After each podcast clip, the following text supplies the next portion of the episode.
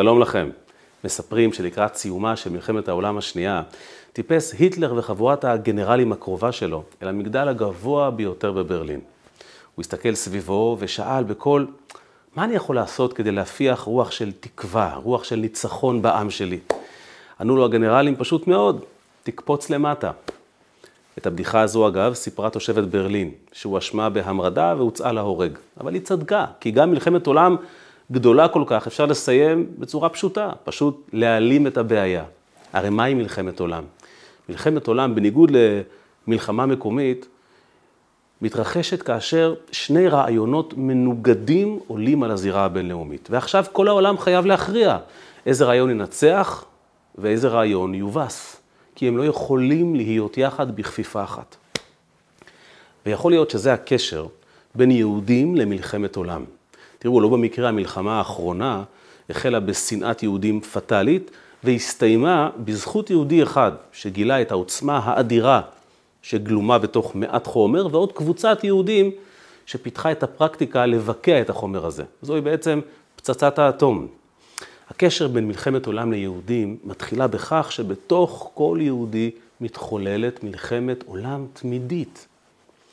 כתוב בספר התניא שיש בתוכנו נפש אלוקית ונפש בהמית, וכל נפש רוצה לקחת את כל העולם, את המחשבות שלנו, הדיבורים שלנו, התנועה שלנו, כל סך הכוחות והיכולות שלנו לרשותה. הנפש השנייה כמובן משיבה מלחמה שערה. זוהי מלחמת עולם. זה קורה בתוכנו כבר אלפי שנים, אבל לאחרונה החל משהו חדש. המלחמה הפנימית הזו הפכה להיות השיח בחוץ. בדמות השאלה יהודית או דמוקרטית, זה בעצם בדיוק אותה סוגיה. הרי אפשר לשלב ביניהם. השאלה היא, מהו העיקרון המקודש, המוביל, שאין לסתור אותו, שהוא לוקח את כל העולם תחת חסותו, והעיקרון השני הוא מה שנקרא בצד, הוא כלי שני. וכמה זה מדהים שהדיון הפנימי שהפך לדיון לאומי, פתאום מטלטל את העולם כולו. וכולם שואלים, האם תיפתח מלחמת עולם שלישית? כן, מלחמת עולם זה מושג שמתחיל מהנפש היהודית, והיום רואים איך הוא משפיע באמת על כל העולם.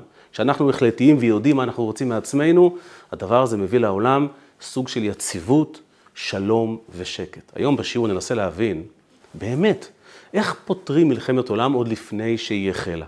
מסתבר שכבר היינו באחת כזו, והיה אירוע דרמטי, הרבה יותר מאשר פצצת אטום, שהביא לשלום ושלווה בין הנפשות.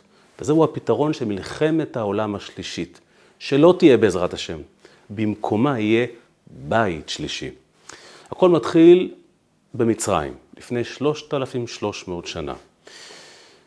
אחרי תשע מכות, המצרים עומדים לספוג את המכה העשירית, המכה שאמורה להכריע אותם.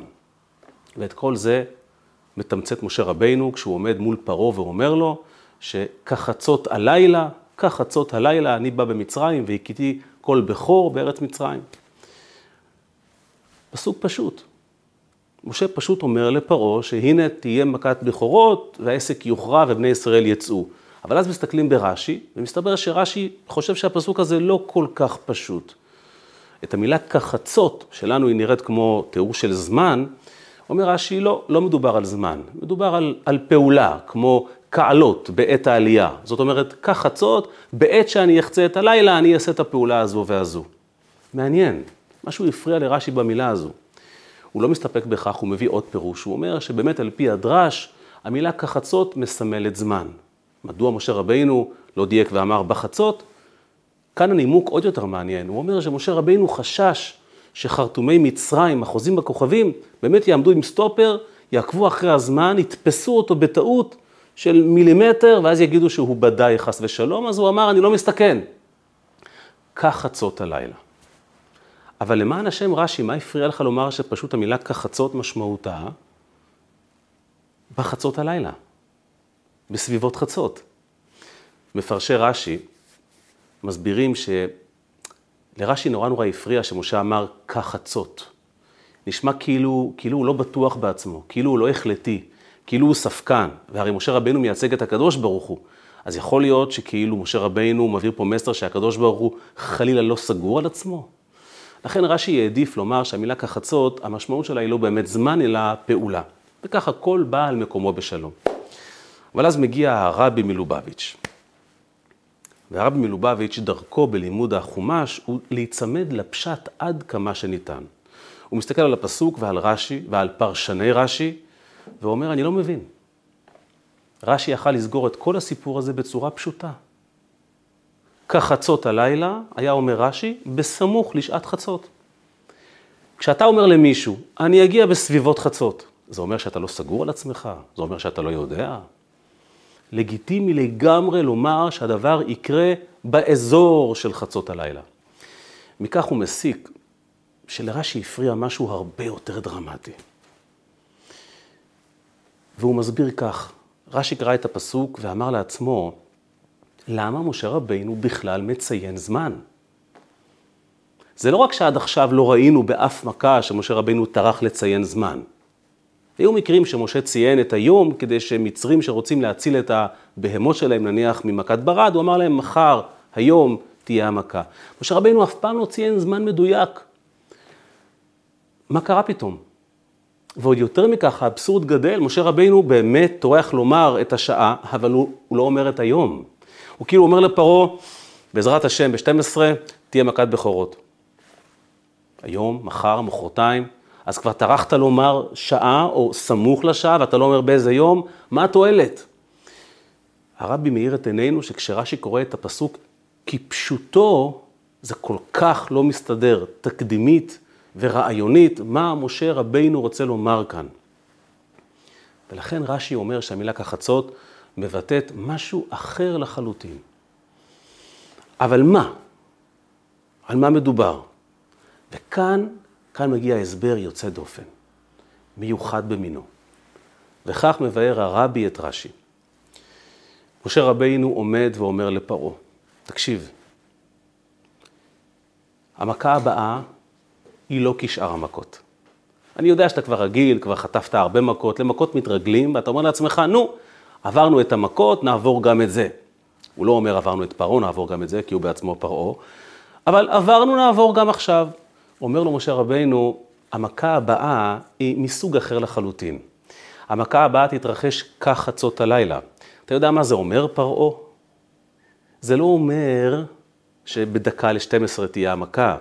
זה אומר שאת המכה הבאה עומד לבצע הקדוש ברוך הוא בכבודו ובעצמו, וכשהוא יכה אין תקומה למכתו.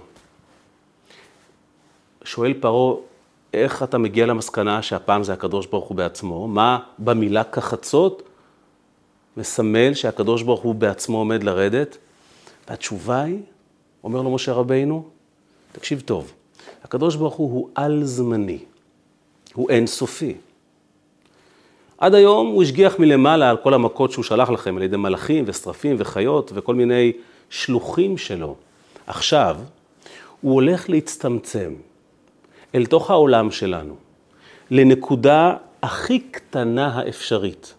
כל כך קטנה שהיא לא מדידה, כי היא לא מתחלקת. לבני האדם אין יכולת לאמוד זמן כשמדובר על נקודה שהיא לא מתחלקת. זאת אומרת, אי אפשר לומר שהיא שייכת לחצי הראשון של הלילה או לחצי השני של הלילה, היא נקודה יחידנית, בלתי מדידה, שנברא רגיל לא יכול להבחין בה מרוב שהיא קטנטנה. לשם הקדוש ברוך הוא עומד להצטמצם, להכניס את כל האינסוף שלו, ואז כשהוא נוכח כאן, הוא יפגע בכם. וכשהוא יפגע בכם, אתם לא תקומו מהדבר הזה. לא יאומן, מילה אחת כחצות הפכה להיות בעצם זרקור שמאיר לא את זמן המכה, אלא את זהות המכה. וזהות המכה, בורא הזמן, עומד להגיע במונח שאי אפשר לתאר אותו בזמן. לכן אומרים כחצות. זה מזכיר לי שבשנת אה, תרצ"ה הגיע לביתו של הרגצ'ובר, הגאון המפורסם, דוקטור לפיזיקה, ואמר לו, רבי, שמעת? שמעת? המדענים למדו לבקע את האטום, החלקיק הקטן ביותר. הרגצ'ובר, שהיה כל כולו תורה, מכף רגל ועד ראש, וראה את כל העולם דרך התורה, אמר לו מיד, נו, זה ברור, זה תוספות מפורש במסכת זבחים, שאומר שאפילו את חוט השערה אפשר לחלק לשניים. ואז הוא המשיך לראות צרור של מקורות, ואחר כך הוא הוסיף ואמר, ואני לא בטוח, באמת, האם אפשר להגיע לנקודה שהיא בלתי מתחלקת. הוא ראה את כל, ה... את כל המדע, את כל פרויקט מנהטן, את כל הפיזיקה בתוך הגמרא.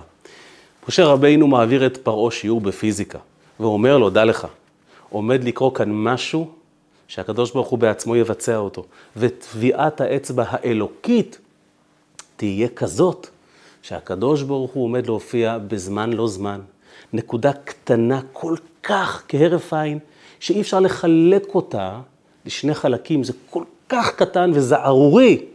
וזה אומר שהקדוש ברוך הוא בשטח, אתם לא, לא תקומו מהמכה הזאת. הסבר מטלטל ממש. וזה מסביר למה משה רבינו נמנע מלומר בחצות, אלא אומר כך חצות, זה תיאור מדויק של מה שעומד לקרות. ולכן רש"י העדיף להיצמד להסבר שהמילה כך חצות היא לא זמן אלא פעולה, כי זה זמן שהוא לא זמן, הוא זמן לא מדיד. כמה משמעות ענקית בתוך מילה אחת, כמו כמות העוצמה של אנרגיה שיש באטום אחד בודד. אבל רגע, ההסבר הזה כל כך נפלא וכל כך מיישב את הפסוק, שפתאום אנחנו תוהים לעצמנו למה רש"י הביא עוד פירוש, הרי רש"י אמר שיש גם הסבר על דרך הדרש, שהסיבה שמשה רבינו אמר כחצות ולא בחצות, כדי שחרטומי מצרים, החוזים בכוכבים, לא יעקבו אחרי התהליך ויפספסו את הרגע ויאמרו, אה, משה, עבדת עלינו. אז הוא אמר, תשמעו, זה כחצות, אני, אני לא לוקח אחריות בדיוק על השעה המדויקת. אם ממילא לא התכוונת לדבר על זמן מסוים, מה אתה פוחד מהחוזים בכוכבים? למה אתה בכלל מביא את הפירוש הזה? וכאן אומר הרבי, הסבר נפלא, מיוחד כל כך. מה היה סוד כוחם של החרטומים? מה הייתה העוצמה שלהם? איך הם ידעו לנבא את העתיד? איך הם ידעו לפגוע באנשים מסביבם? איך הם ידעו לעשות כישופים? מסתבר שהם היו פיזיקאים מיסטיקנים. הם ידעו לחלק את הזמן ולשחק בו. מאיפה אנחנו יודעים את זה? כי גדול חרטומי מצרים היה בלעם. והגמרא במסכת סנהדרין הרי מסבירה שהכוח של בלעם לקלל ולפגוע באנשים סביבו נבע מכך שהוא ידע את הרגע המדויק, המהיר, הכמעט בלתי מורגש, שהקדוש ברוך הוא כועס. כך אומרת הגמרא. הוא ידע לכוון את עצמו לאותו רגע כל כך קטן, לתפוס את הרגע הזה, באותה שנייה לגדף, ומי שגודף ברגע הזה, חטף פקד בכורות. הרגע הזה כל כך קצר, שהתוספות במקום אחר אומר, שבלעם היה רק מתחיל לקלל, בשנייה, זה אפילו לא שנייה, זה חלקיק שנייה הזה, ברגע שהוא התחיל, לא חשוב מתי הוא סיים. הוא כבר ידע לפגוע בצורה המיטבית. זאת אומרת, מהגמרא אנחנו רואים שמי שיודע לחלק את הזמן ממש לחלקים כמעט אינסופיים, בלתי מורגשים, יודע לתפוס דקויות אלוקיות ולהשתמש בהם. אז חרטומי מצרים ידעו, זה היה סוד כוחם, להשתמש בזמן, לחלק אותו, וכך לעשות כשפים ומכות בעצמם לבצע, ולחזות את העתיד, כי העתיד הרי בנוי מזמן. הפירוש השני ברש"י, אומר הרבי, זה הפנייה של משה ספציפית לחרטומים. קודם הוא דיבר לפרעה, ואמר לו, תקשיב, הקדוש ברוך הוא בעצמו עומד להתגלות כחצות. זה לא זמן, זה המבצע, הקדוש ברוך הוא עומד להתגלות. אבל אז הוא פונה לחרטומים. ואומר לחרטומים, תקשיבו טוב, אני יודע שאתם אשפי הזמן. אתם מנהלים את כל המיסטיקה שלכם באמצעות חלוקה של זמן לחלקיקים קטנטנים.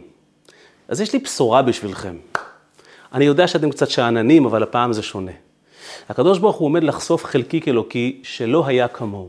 חלקיק כל כך קטן בזמן, שאי אפשר לחלק אותו לשני חלקים יותר. זה החלק הבסיסי ביותר בזמן. קטן, בלתי נראה, אף מיקרוסקופ חרטומי לא יוכל לזהות אותו. אין לכם גישה אליו בכלל. אז אל תנסו בכלל. אפילו אני, משה רבינו, שמדבר בשם אלוקים, לא יודע לזהות מתי זה יקרה, לכן אני אומר לכם, כחצות. אתם עומדים לחטוף, רק הקדוש ברוך הוא, כשהוא יכה הוא יאמר, בחצות אני מגיע. זאת אומרת, הפנייה הזו נעשות, נעשית ספציפית על החרטומים שבטחו בעצמם וביכולתם לחלק את הזמן בצורה כל כך קטנה שהם הרגישו מוגנים.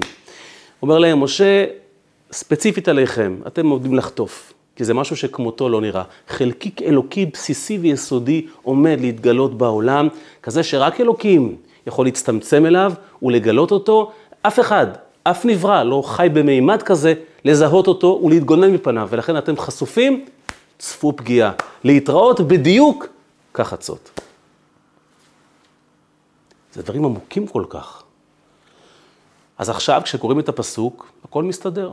משה רבינו אומר לפרעה, כחצות הלילה תהיה מכת בכורות. פעולה אלוקית שתתבטא בחלקיק זמן קטן כל כך, בסיסי כל כך, שנברא לא יכול לתפוס אותו, להשתלט עליו או להתגונן מפניו. וואו, מילה אחת וכל כך הרבה משמעות. אבל בואו נעצור שנייה את ההתלהבות. אתם פעם פגשתם חרטום של מצרים? אתם פעם פגשתם אצטגנין? הפירוש יפה, אבל הוא, הוא, הוא פרקטי? הוא אומר לנו משהו בחיים הללו? מה יוצא לי מזה שהקדוש ברוך הוא יודע להצטמצם לחלקיק קטן כל כך מחוט השערה, עד שאי אפשר לחלק אותו לשניים? זה, זה מרשים מאוד, למרות שאין לי מושג מה זה אומר, אבל זה, זה יכולת אלוקית, בסדר, והיא פעלה את מכת בכורות. נו, מה זה אומר עכשיו? עכשיו, ברגע זה, איך זה פותר לי את הבעיות בחיים? איך זה, איך זה עומד בפני, כתריס בפני מלחמת עולם? מה זה אומר בעצם? אומרת תורת החסידות. זה לא רק אומר, זה בסיס כל המחלוקת בין עם ישראל למצרים. זה, על זה כל הדיון. עם ישראל הגיע למצרים כשהחיבור שלהם, של בני ישראל אז לקדוש ברוך הוא, היה דרך הנשמה שלהם. בזכות העבודה של האבות הם קיבלו נשמה קדושה. וכך הם היו לבניו של הקדוש ברוך הוא. נו, זה נורא יפה שליהודי יש נשמה אלוקית, נצחית, על-זמנית. אבל המצרים אמרו, בסדר, חרטומי מצרים שידעו את סוד הזמן, לחלק אותו, לשחק בו, להשפיע על ידו, אמרו ליהודים, זה שיש לכם נשמה אלוקית, סבבה לגמרי. אף אחד לא מפקפק, אף אחד לא מקל ראש. אבל נשמה היא על-זמנית, היא נצחית. אתם חיים בעולם הזה. אתם חיים בעולם שהוא מצרים, זאת אומרת, הוא מיצרי וגבולי במהות שלו. אתם כלואים בתוך גוף, הנשמה שלכם הנצחית כלואה בתוך גוף. גוף מוגבל, גוף זמני. הגוף שלכם והגוף שלנו זה היינו אח. זה מצרים אחד גדול, של מגבלה בסיסית מהותית. אז זה שיש לכם תוספת אקסטרה נשמה, זה יפה, אבל בעולם הזה זה לא מקנה לכם שום יתרון. בגן עדן באמת, אתם תזכו לפנטהאוז בקומה העליונה של גן עדן, שמשקיפה אל הנוף, אנחנו אולי לא נהיה שם. זה שם. כאן אין לכם שום יתרון עלינו. תחת מגבלות הזמן, שאנחנו בגופים, אתם כמונו בדיוק. עד כדי כך אנחנו יכולים לשעבד אתכם. מה תעשו לנו? והאמת היא שהם צדקו עד אז. הם באמת שעבדו את בני ישראל בפרך. ועכשיו מגיע משה רבינו עם בשורה שזעזעה אותם. אומר משה לחרטומי מצרים, הקדוש ברוך הוא עומד לבצע חיבור שלא היה כדוגמתו עד אז, בינו לבין הגוף היהודי, לא הנשמה היהודית, הגוף הפיזי המוגבל היהודי. עד היום היינו בניו של הקדוש ברוך הוא, כי הייתה בנו נשמה, DNA אלוקי. כל מהות ירידת מצרים היא כדי להוכיח וליצור ממשק שמחבר בין האין סוף האלוקי אל הגוף היהודי. והיו לבשר אחד. אנחנו עומדים להינשא, להתחתן, להתקדש לקדוש ברוך הוא, ואז גם הגוף שלנו, גם בגוף הגשמי המוגבל, יהיה יתרון מובנה עליכם המצרים. אנחנו עומדים לבקוע את המיצר הזה ולצאת מכאן. המצרים היו נבונים, בטח החרטומים. אז הם שאלו איך זה עומד לקרות, זה לא הגיוני, זה נוגד את חוקי הטבע. אומר להם משה רבינו, כחצות הלילה. נכון, אלוקים עומד לחשוף דבר שלא היה כמותו מעולם. הקדוש ברוך הוא עומד להכניס את כל כולו בתוך רגע אחד, אבל רגע כזה שהוא כל כך קטן, כל כך יסודי, שהוא בלתי מתחלק. ובגלל שהוא כל כך זערורי, הרי להגיע למצב שאתה מחלק משהו עד אינסוף, עד שהוא לא מתחלק, זה חייב להיות משהו באמת קטן, ברמות שקשה לומר כמה הוא קטן, ברמה כזו שאתם המצרים לא מכירים בכלל. אבל בתוך הנקודה הקטנה הזו, כל הקדוש ברוך הוא בעצמו עומד להיכנס. זה לא יהיה סלייסים של פעימות, זה כל הקדוש ברוך הוא בנקודה אחת בלתי מתחלקת ויסודית. וכל המטרה של ההצטמצמות הזו כחוט השערה, היא ליצור חיבור עם הגוף של יהודי. כי כשהקדוש ברוך הוא מצטמצם לכזו רמה קטנה, גם יהודי, בעולם הזה, בגוף, יכול לתפוס אותו. זו המשמעות של המילה כחצות. אומר משה לחרטומים, עד היום שלטתם עלינו, כי הנחתם שיהיה לנו יתרון מבחינה פיזית. אז יש לי, חדשות, יש לי בשבילכם חדשות ועיקרן תחילה. הנה הקדוש ברוך הוא מתגלה בכבודו ובעצמו, הוא מתחבר אל הגוף היהודי, באמצעות אותה נקודה קטנטנה, בלתי מתחלקת ועל זמנית. וזה מה שיוציא אותנו מהמיצר ומהגבול ומהמחשבה המוטעית שמבחינה פיזית אנחנו דומים לכם. אנחנו לא.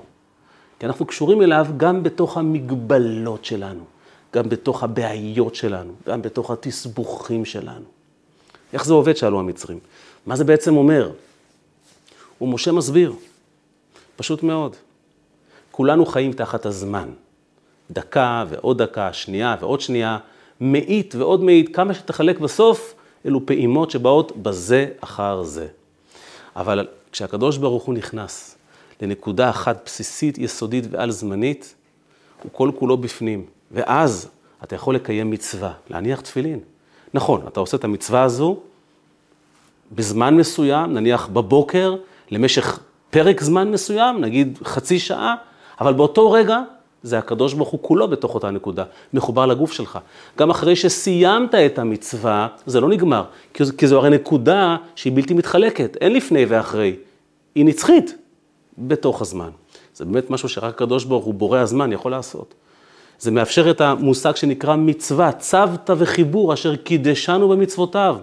זה פורץ את הגבול הגשמי ומוציא אותנו ממצרים. וזו הבשורה של משה רבנו לחרטומים, נגמר השעבוד. מלחמת העולם הראשונה בין מצרים לבין היהודים, בין התפיסה שאומרת, העולם הזה הוא ברשותנו, הוא מוגבל וכל יתרון רוחני לא יעזור לכם. הוכרעה כשמשה אמר, נכון, רוחנית אין לנו יתרון, אלוקית יש לנו. וזו מכת בכורות. כך חצות הלילה, על זמני, בתוך הזמן, בנקודה בלתי מתחלקת. זה באמת מטלטל. זו בשורה ששינתה את העם היהודי לנצח. ככה הפכנו לעם ישראל שעומד ליד הר סיני ומקבל מהקדוש ברוך הוא מצוות שכל מצווה משמעותה צוותא וחיבור, ייחוד אמיתי עם הבורא. והיו לאחדים. אבל איפה כל זה רמוז? זה רמוז במילים של רש"י, כשרש"י אומר, משה פונה לחרטומים ואומר להם, תראו, אני לא יכול לומר לכם בדיוק מתי זה יקרה, זה כל כך קטן, זה, זה כך חצות, אבל הקדוש ברוך הוא יודע עיתיו ורגעיו.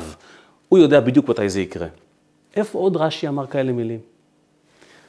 בספר בראשית. כשהקדוש ברוך הוא כילה את מעשה בראשית והכניס את השבת, אומר רש"י, כולנו, כשהשבת נכנסת, אנחנו ככה מקבלים אותה בסוג של ספק, מתי זה בדיוק יקרה? בין השמשות זה 20 דקות בערך, זה איפשהו באמצע. ורק הקדוש ברוך הוא אומר, רש"י יודע עיתיו וזמניו, הוא מכניס את השבת כחוט השערה. אה, רגע אחד, על זמני, נצחי, בלתי מתחלק, שבת נכנסת. משם רש"י לקח את זה. אז הביטוי של כחוט השערה מבטא את אותה שנייה כהרף עין שאלוקים חודר לעולם, מתחבר אלינו, מאפשר לנו לאחוז בו ולהיות איתו גם עם הגוף הגשמי. וזה מאוד חשוב לדעת את זה. כי כשחושבים על זה באמת לרגע, למה התורה משתמשת בביטוי כחוט השערה, כחוט השערה? אם אתה רוצה לבטא משהו נורא נורא קטן, יש דברים יותר קטנים מחוט השערה. יכולת לומר שהקדוש ברוך הוא מצטמצם לרמת אלקטרון. הוא יותר קטן, הוא, הוא, הוא בלתי נראה לעין. אומרת תורת החסידות, המילה שערה טומנת בחובה את המילים שער השם. זה השער להשם. וזה לא סתם פתח, זה מהות מסוימת של חיבור. כמו שכתוב, נודע בשערים בעלה. בעל ואישה יוצרים שער שמחבר ביניהם. השער הזה הוא הזמן. הזמן שהם מותרים להיות יחד, הזמן שהם אסורים להיות יחד. כי הרי אם הם כל הזמן יחד, אז הם בעצם אף פעם לא ביחד. כמו שאם יש לכולם המון כסף, אז בעצם כולם עניים כי אין לו ערך. איך אני יודע שאתה באמת שלי, שאתה באמת שייך לי?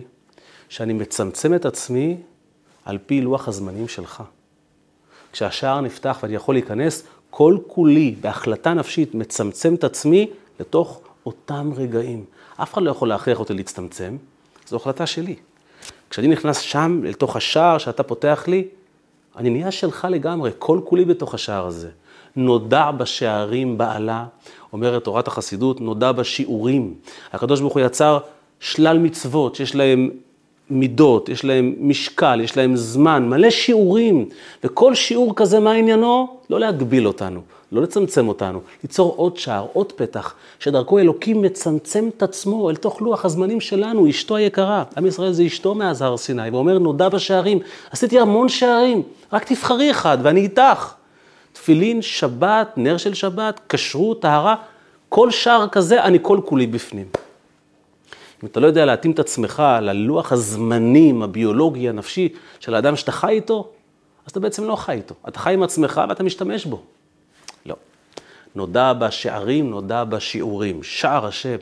לכן התורה מקפידה ואומרת, הקדוש ברוך הוא מצמצם את עצמו כחוט השערה. שערה זה שער השם, שיעורים. לכן כתוב בחסידות שש"ס, שישה סדרים, זה כמו שישה שעורים. זה שש המידות שהקדוש ברוך הוא מעניק לכל יהודי. הוא שם את כל הלב שלו בפנים. והנה כל התוצאות, מצוות סוכה, מצוות תפילין, מצוות שבת, אני שם. השערים פתוחים, פשוט תתחבר אליי.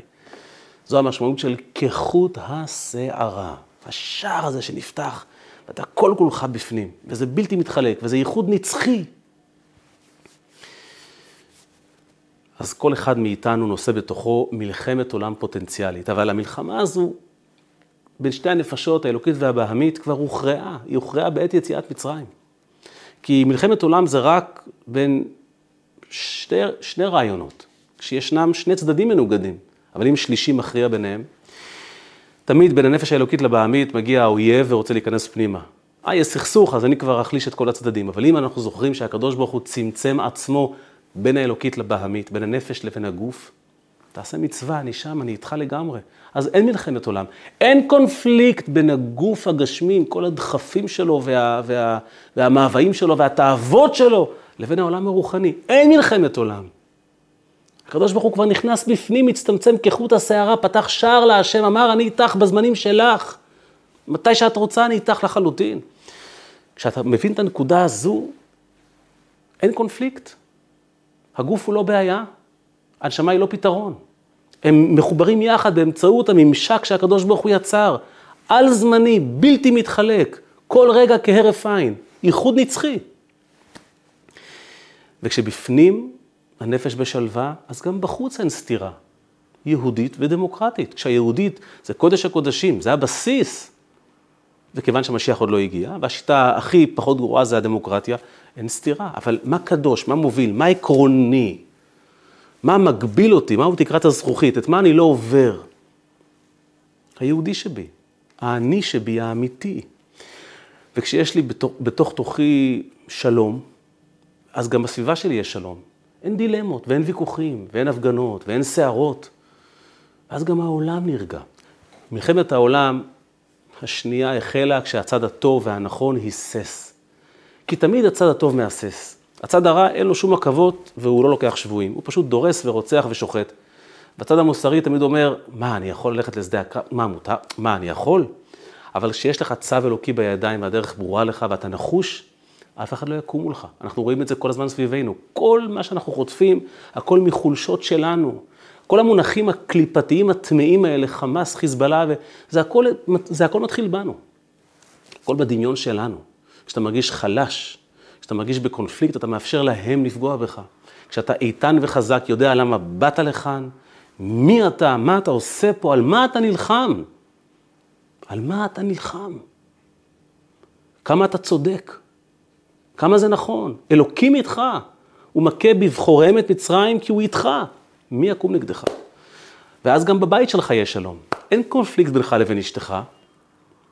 אתה מצטמצם לנקודת זמן מדויקת שבה הדברים נכונים, ואז הכל מסתדר. השלישי המכריע, הקדוש ברוך הוא ביניהם, מחבר את ההפכים הללו. זה, זה הכוח האמיתי שלו. לא מלחמת עולם שלישית, בית שלישי, שמתחיל בתוך תוכנו, ואחרי זה בבית הגשמי הפרטי שלנו, ואחרי זה בסביבה שלנו, ואז בכל העולם. כי זה מה שהקדוש ברוך הוא רוצה. להצטמצם כחוט השערה ולבנות בית בעולם הזה, ו- וזו הסיבה שהקדוש ברוך הוא מדקדק עם צדיקים כחוט השערה. למה?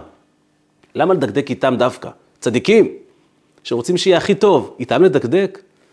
והתשובה היא, זה לא ביטוי של חומרה. ראינו קודם, חוט השערה משמעותו של אלוקים מתקרב אליך יותר ויותר, ואצל צדיקים הוא רוצה להיות עוד יותר קרוב, אז הוא מדקדק את עצמו עוד ועוד, להיות יותר ויותר קרוב אליהם. כמו שהרבי תמיד כתב, שבין בני זוג צריך שיהיה דקדוק בטהרת משפחה, לא מספיק לשמור על זה, כי זה מה שקובע את הקרבה, תצטמצם עוד, עוד טיפה, עוד קצת, תהיה שם לגמרי בפנים. זו המשמעות, ולכן אנחנו עם שמקפיד על דקדוק קל של סופרים, דקדוק קל של מצווה, אנחנו יודעים שזה הממשק שהופך אותנו לא לרוחניים, לאלוקיים. וכשאתה אלוקי, אתה יכול להכיל הכל, גשמי ורוחני, גבול ובלי גבול, ואז אין מלחמת עולם.